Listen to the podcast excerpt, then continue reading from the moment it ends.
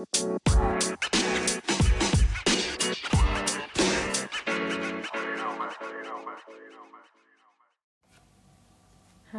kæru Eurovision hlustendur. Ég er þá loksins kominingað með signi hlutan af þættinum um Ísland í Eurovision. Ég prófaði smá nýtt í síðasta þætti og setti stutt brot úr lögunum þegar ég var að fjalla um þau og þrátt fyrir frekar léleg hljómgæði þá fekk ég ekkert nema góðar viðtökur við því. Það er alltaf jafn gott fyrir mig að fá feedback um þættina, hvort sem er gott eða slæmt feedback, því þannig get ég reynd að gera þættina betri. En það sem ég er náttúrulega bara takit upp heima hjá mér á iPad með minn eigin mikrofón, þá get ég og staðan er núna ekki gert hljómgæðin neitt betri. Ég er líka svo ógeðslega léleg svona tölv á tæknumanneskja, ég kann bara eiginlega ekki neitt. Það vill bara svo til að appið sem ég er að taka þættin upp á og nota til að klippa er algjörlega idiot proof. Það er eina ástæðan fyrir því að ég geti verið höfuð verið að gera þess að þætti. Ég fæ ekkert greitt fyrir þessa vinnu og þar sem ég er nýbúin að bæta á mig aukavinnu þá hef ég ekki haft mikið tíma aflögu til að sinna hlaðvarpinu. Ég er búin að vera núna í einhverjar 2-3 vikur bara skrifin að þátt. Svo það er mjög gott að vera loksins að taka hann upp. Ég er náttúrulega aðeins við fyrst og fremst að því mér finnst þetta gaman. Svo ég er alls ekki byggðið um einhverja vorkun, alls ekki. Bara að vitið af hverju hljómgæðin í þættinum séu kannski ekki þau besta á markanum og af hverju ég er búin að vera svona lengi að koma efninu frá mér. En fyrir ykkur sem ekki vitið þá heiti ég Rósa og ég elska Eurovision. Ég vil minna á Facebook og Instagram síður þáttarins en það er heita báðar ég elska Eurovision. Endilega skelli like og follow þar. Ég hendi það reglulega inn efni tengdu þáttunum og fréttum úr Eurovision heiminum. Einnig þætti mér rosalega væntum að það myndi gerast áskrifendur af þættinum á þeirri veiti sem þið noti til að hlusta þannig að þátturinn verði sínilegri og þá fáið líka tilkynningu þegar nýr þáttur kemur út. En að máli máluna, við ætlum að halda áfram þar sem frá var horfið síðasta þætti og erum þá núna komin að árunni 2001 sem því miður var ekki okkar besta Eurovision ár. Árið 2001 sigruðu þeir Kristján Gíslason og Gunnar Ólafsson söngukefnina hér heima með læginu Birta sem síðar var svo þýtt yfir á ennsku og fekk lægi þá nafnið Angel og kölluðu þeir Kristján og Gunnar sig Too Tricky. Angel gekk ekki jafnvel úti og hér heima því lægi lendi í neðsta sæti Eurovision þetta árið með aðeins þrjú stygg og fekk því Ísland ekki að taka þátt í Eurovision árið 2002 eins og ég sagði ykkur frá í síðasta þætti.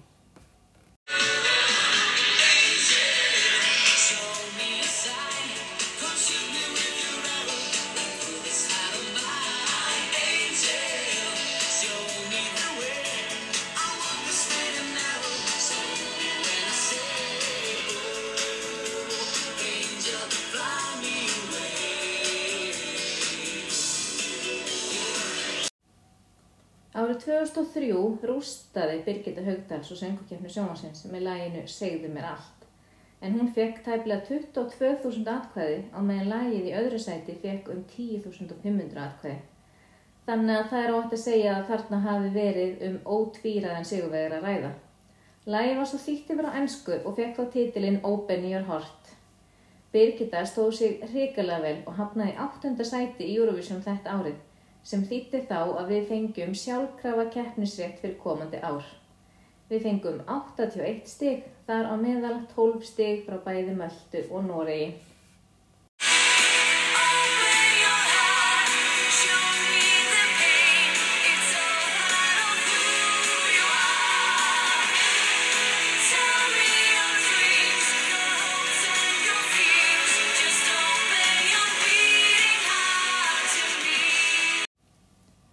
Engin söngvakeppni var haldin hér heima árið 2004 og voru margir mjög ósáttir við það ákvörðun og þó sérstaklega ljósið velgengni Íslands í keppninni árið áður. Félag íslenskara hljómlistamanna og forsvarsmenn söngvakeppninar deildu um þetta sín á milli. En loka neðustan var því miður svo að engin keppni var haldin.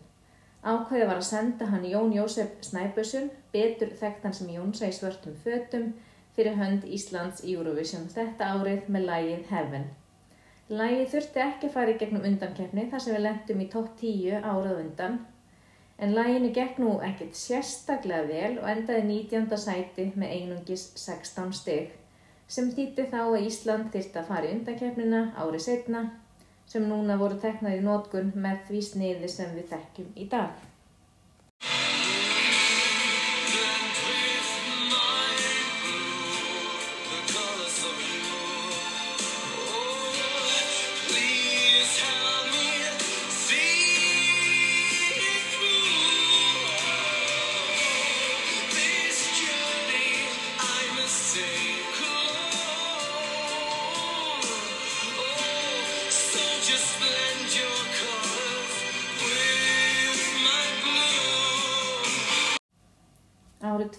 2005 ákvað Rúf enn og aftur að halda enga söngvakeppni er heima.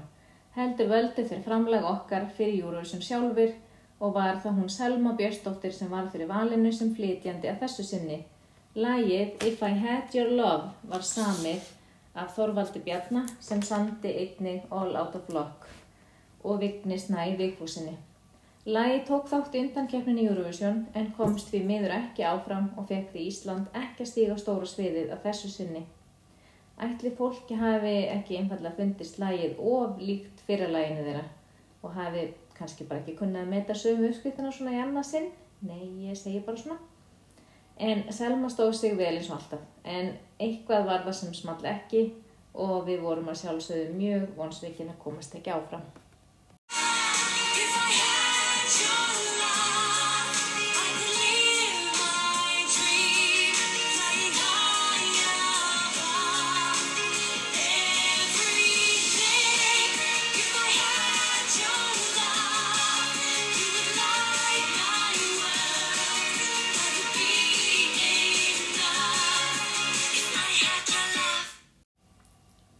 Loksins fengum við söngvakeppni sjónvansins aftur árið 2006 og ekki vantaði lög í keppnina því að þessu sinni tóku alls 24 lög þátt í keppninni sem var skipt í þrjár undankeppnir þar sem 5 lög komst áfram í hverju keppni.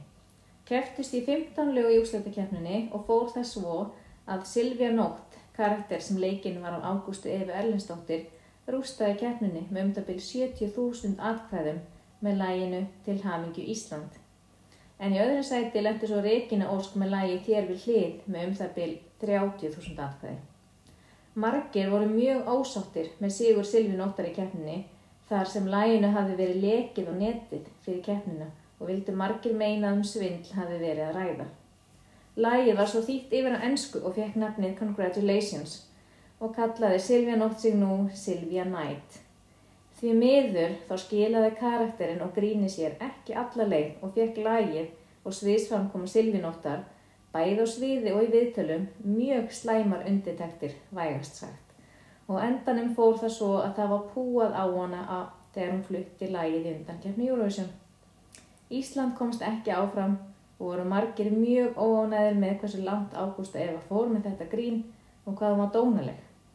Því lagi sjálft var gott og grípandi og hefði jafnvel geta gert góða hluti ef betur hefði verið vandað til verka, vildu margir meina.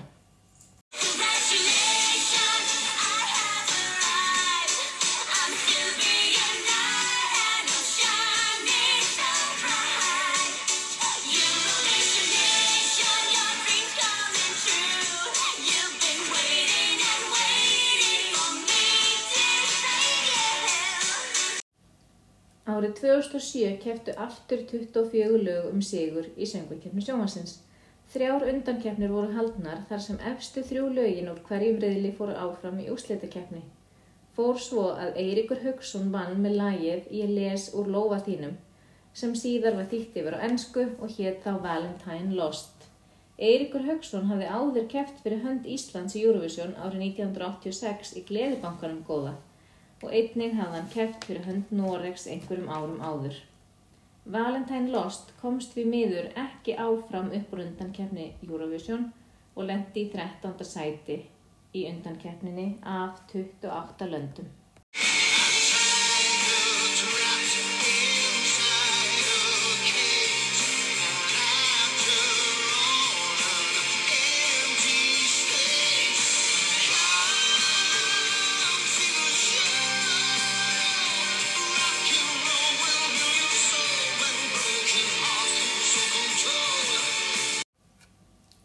2008 voru laugardarslögin haldinn til þess að velja framlag okkar fyrir Eurovision. Keppnin stóð frá 7. oktober 2007 til 23. februar 2008 og voru flutt þrjú lög á hverju laugardarskvöldi í samtals 11 skipti. Eitt lag komst pottit áfram á hverju laugardarskvöldi og svo eitt lag sem var svo kallað Second Chance sem keftu svo sínamilli á tveimur kvöldum og eitt þeirra komst svo áfram í úrslitin. Úrslitakeppninni var svo skipt niður á nokkur lögataskvöld sem endaði svo að því að Eurobandi sigraði með lagið Fullkomi líf. Í öðru sæti var svo Mercedes Club með lagið Ho Ho Ho, We Say Hey Hey Hey. Jésús hvað ég var fegin að Eurobandi vann, trúi ekki. en The Dark Horse í þessari keppni var klálega Haffi Haff með lagið The Wiggle Wiggle Song. Ég held svo mikið upp á þetta lag en það elska ég Haffa Haff og Svölu Björgvin sem samti lagið. Það var svo gott lag, ég skil ekki en þá akkur að komst ekki herra. En Regina Ósk og Friðrik Ómar sungu lagið sitt á ennsku og hétt það þá It's My Life. Og þau komist áfram úr undankeppni, lendu þar í áttunda sæti og svo lendu þau í fjórtanda sæti í aðalkeppninni sjálfur í Eurovision með 64 stig. Það var mjög gaman að komast loksins upp úr undankeppninni eftir að hafa setið eftir með sárt ennið þrjú ári í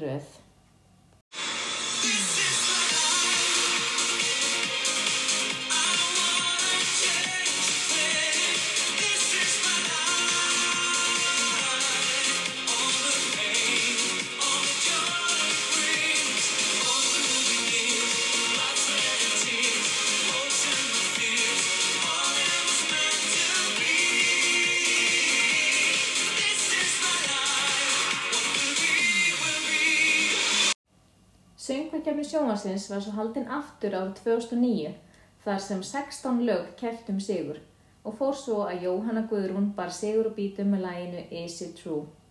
Til að byrja með þótti lagið ekkert sérstaklega sigurstranglegt í Eurovision en það breyttist svo fljótlega þegar undirbúningur fyrir keppnina fór á fullt. Veðbankarnir spáðu Jóhannu góðu gengi og það endaði með því að hún komst upp úr undankeppninni og hafnaði svo í öðru sæti í aðalkeppninni á eftir normanninum Alexander Ibak og læginu hans Fairy Tale. Eftir á komist við svo að því að Jóhanna lendi í fyrsta sæti sínum riðli í undankeppninni. En sléttum tíu árum áður hafði Ísland einnig lendi í öðru sæti í Eurovision, svo þarna vorum við búin að jafna okkur besta árangur í keppninni. Jóhanni tókst að vinna hjörtu Evrópubúa með óafinnalegum söng og sviðsframkomu og ég hef hort á þó nokkur reaction myndbönd á YouTube þar sem fólk allstaðar á heiminum er að horfa á lægið í fyrsta skipti og fólk talar alltaf um það hvað söngunan sé góð með mikla útgislun.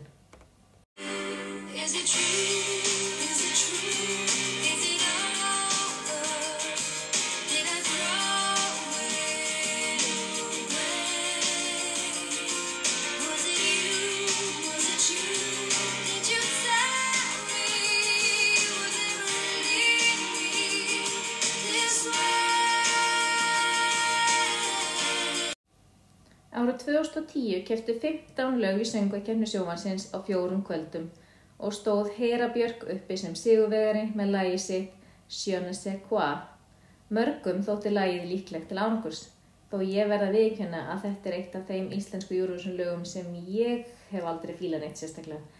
En ég skil samt mjög vel að það hefði unni söngvakefna. Það voru svo sem engin önnur betri lög og Hera er náttúrulega hörku góð söngkona. Enda náði hún upp úr undankeppni, lendi meira að segja í þriðja sæti þar og hafnaði svo í 19. sæti á lokakvöldi Eurovision.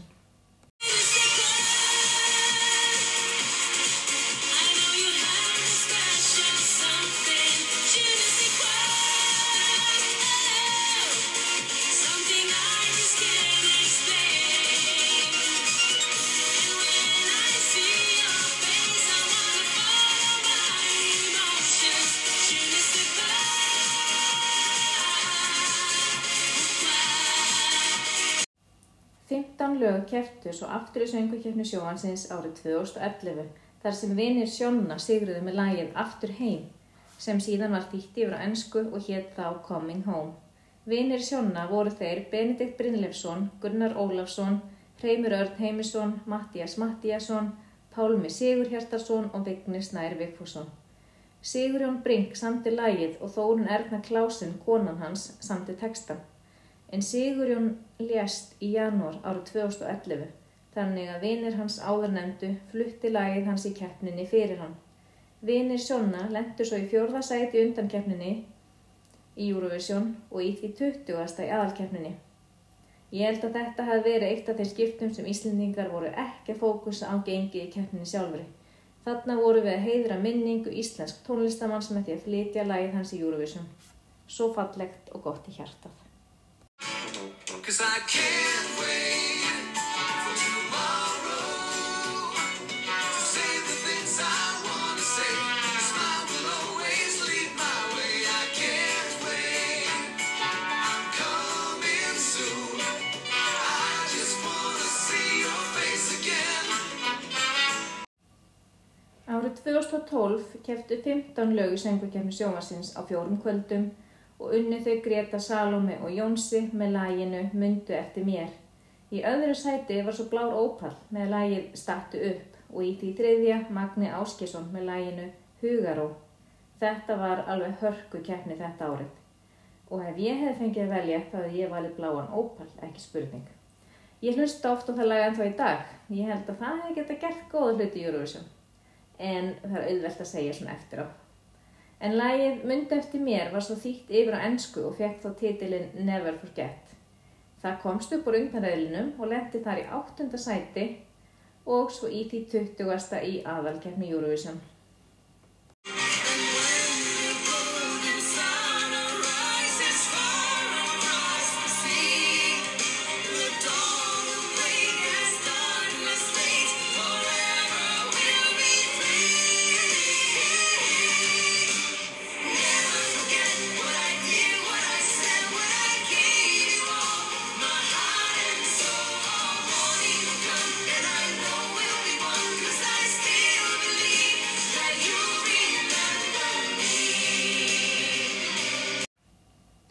Árið 2013 keftu 12 lög í söngukeppninni á þremur kvöldum og var það Eyþór Ingi Gunnlaugsson sem bar sigur og bítum með lagið Ég á líf.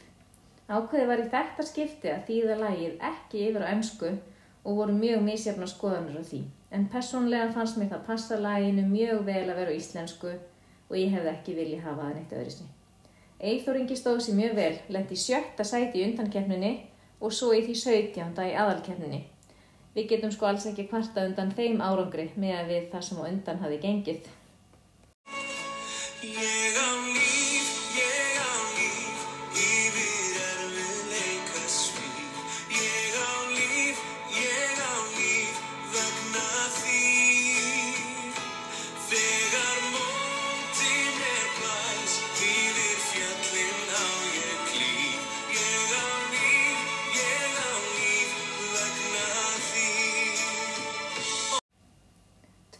2014 keftu tíu lög í söngukeppninni og voru það félagarnir í hljómsveitinni Pollapunk með lagi sitt Enga fordóma eða No Prejudice sem endiði uppi sem sigurvegarar. Þeir fluttu lagið á ensku í Eurovision til að koma skilabóðum lagsins réttir skila og tókst það nokkuð vel til hjá þeim enda virkilega hræssi strákar með skemmtilega sviðsframkomu sem skilaði þeim 8. sæti í undankeppninni og 15. sæti í aðalkeppninni.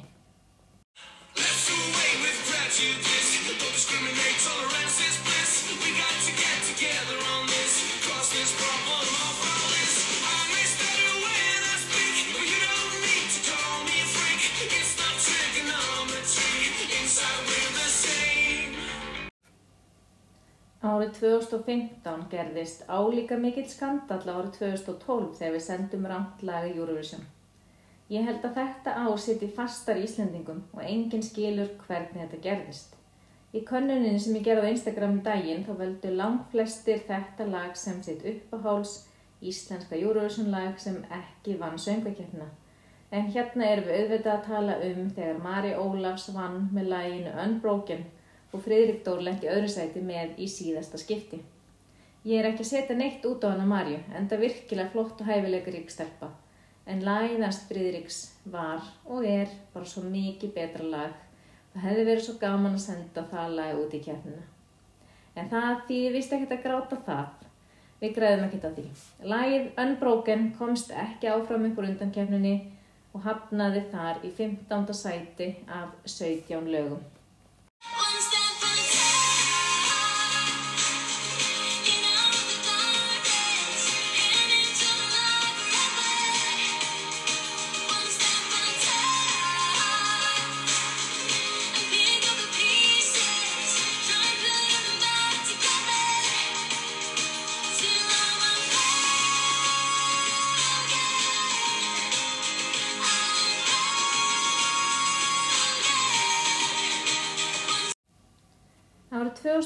2016 keftu 12 lög í söngvakeppninni og enn og aftur fannst mér rámt lag vinna keppnina.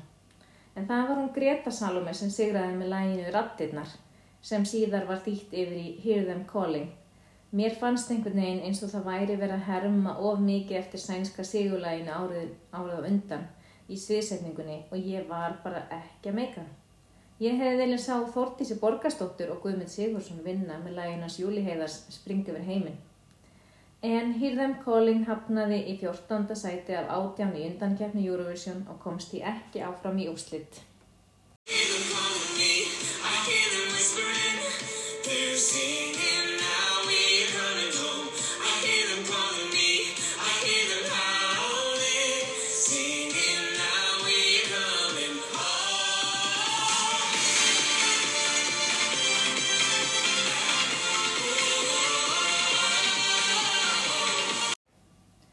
2017 keftu aftur 12 lögum sigur í söngvakeppni sjónvarsins. Þarna voru við orðin sérfræðingar í að senda vantlega í Eurovision. Svo við heldum því bara áfram. Sjálf reyndar held ég með læginu sem vann, svo ég get ekkert sagt.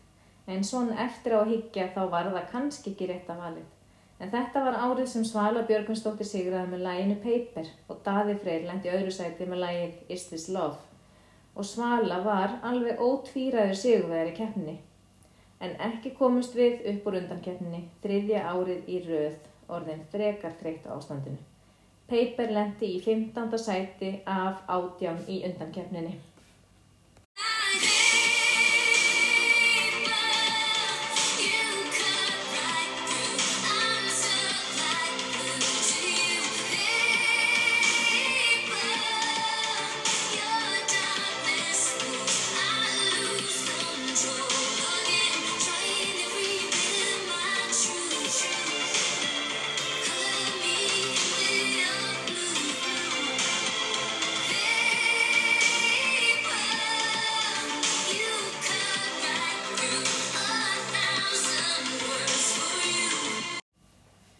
Árið 2018 fer sennilega í bækurnar sem er versta ár Íslands í Eurovision. Þó persónulega hafi mér ekki fyndið slægið eitthvað endilega hræðilegt, en samt bara alls ekki í Eurovision lag. Þetta ár vann hann Ari Ólafsson söngvakeppnina með lagið Our Choice. Lagið komst ekki áfram í undankeppni Eurovision og lendi þar í 19. sæti af 19 lögum í reyðlunum. Opp og sí. Þetta ár hefði ég viljað sjá Aron Hannes vinna söngvakeppnina með lagið sitt Gold Digger, en það lendi í fjórðasæti. Þarna voru komin fjögur ári í röð sem við komist ekki upp á undankeppninni og greinilegt að við þyrftum að fara að spýta í lóana og prófa eitthvað nýtt.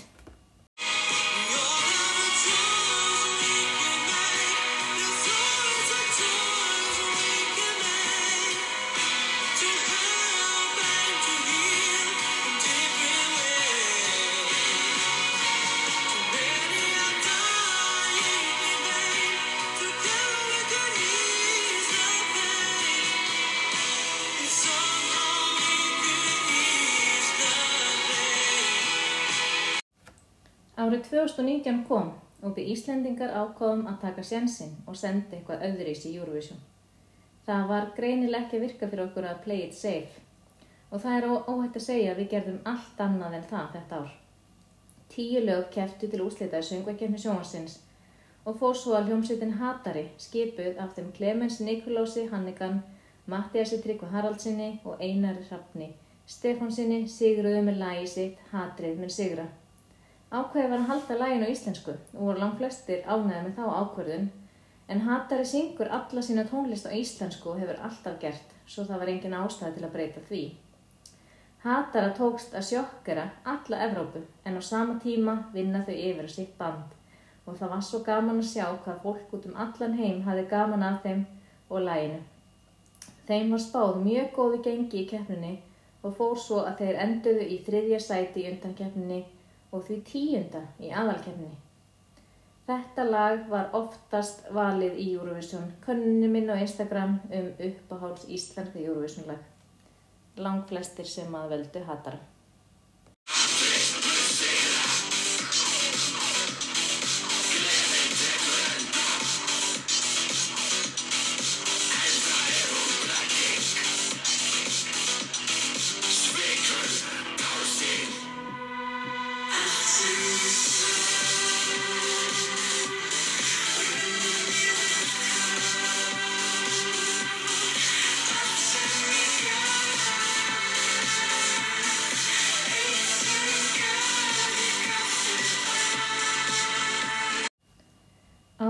2020 var árið sem Ísland hefði unnið Eurovision.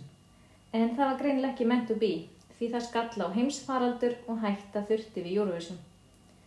Tíu lög kefti söngukeppninni og var það Daði Freyr og Gagnamagnið sem enduðu uppi sem sigurvegarar með lagi sitt Think About Things. Lagið vakti mikla lukku um alla Evrópu og var Íslandi lengi vel spáð sigri í Eurovision. Áður en ákvörðunin var tekin um að hætta við keppnina. Margar skoðanakannanir voru gerðar og samkvæmt mjög mörgum þeirra hefði Ísland auðveldlega geta unnið. Hversu mikið svekkelsi?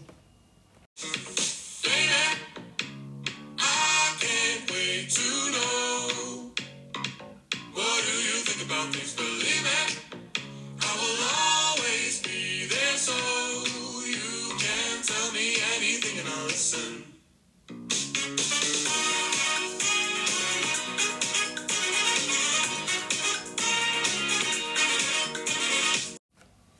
Árið 2021 var ákveðið að halda ekki söngvakefni sjónvarsins, bæði í ljósi fjöldatakmarkana sem ávoru, sem og það þótti nokkur ljóst að dað og gagnamagnið væri verðugir fulltrúir Íslands í Eurovision.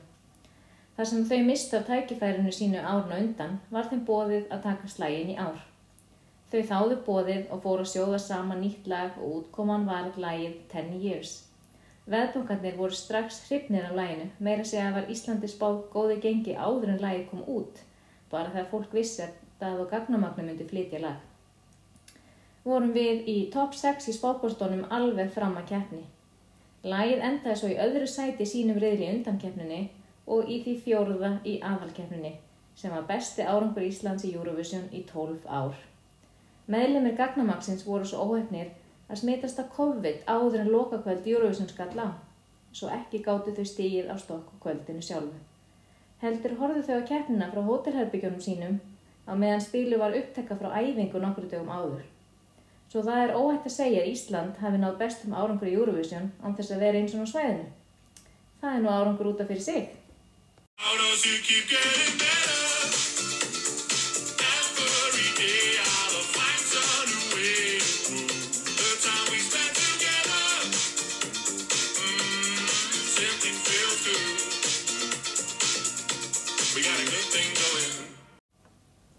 En núna er mikil pressa komin á Ísland að standa sig í Eurovision eftir gott gengi síðustu ára.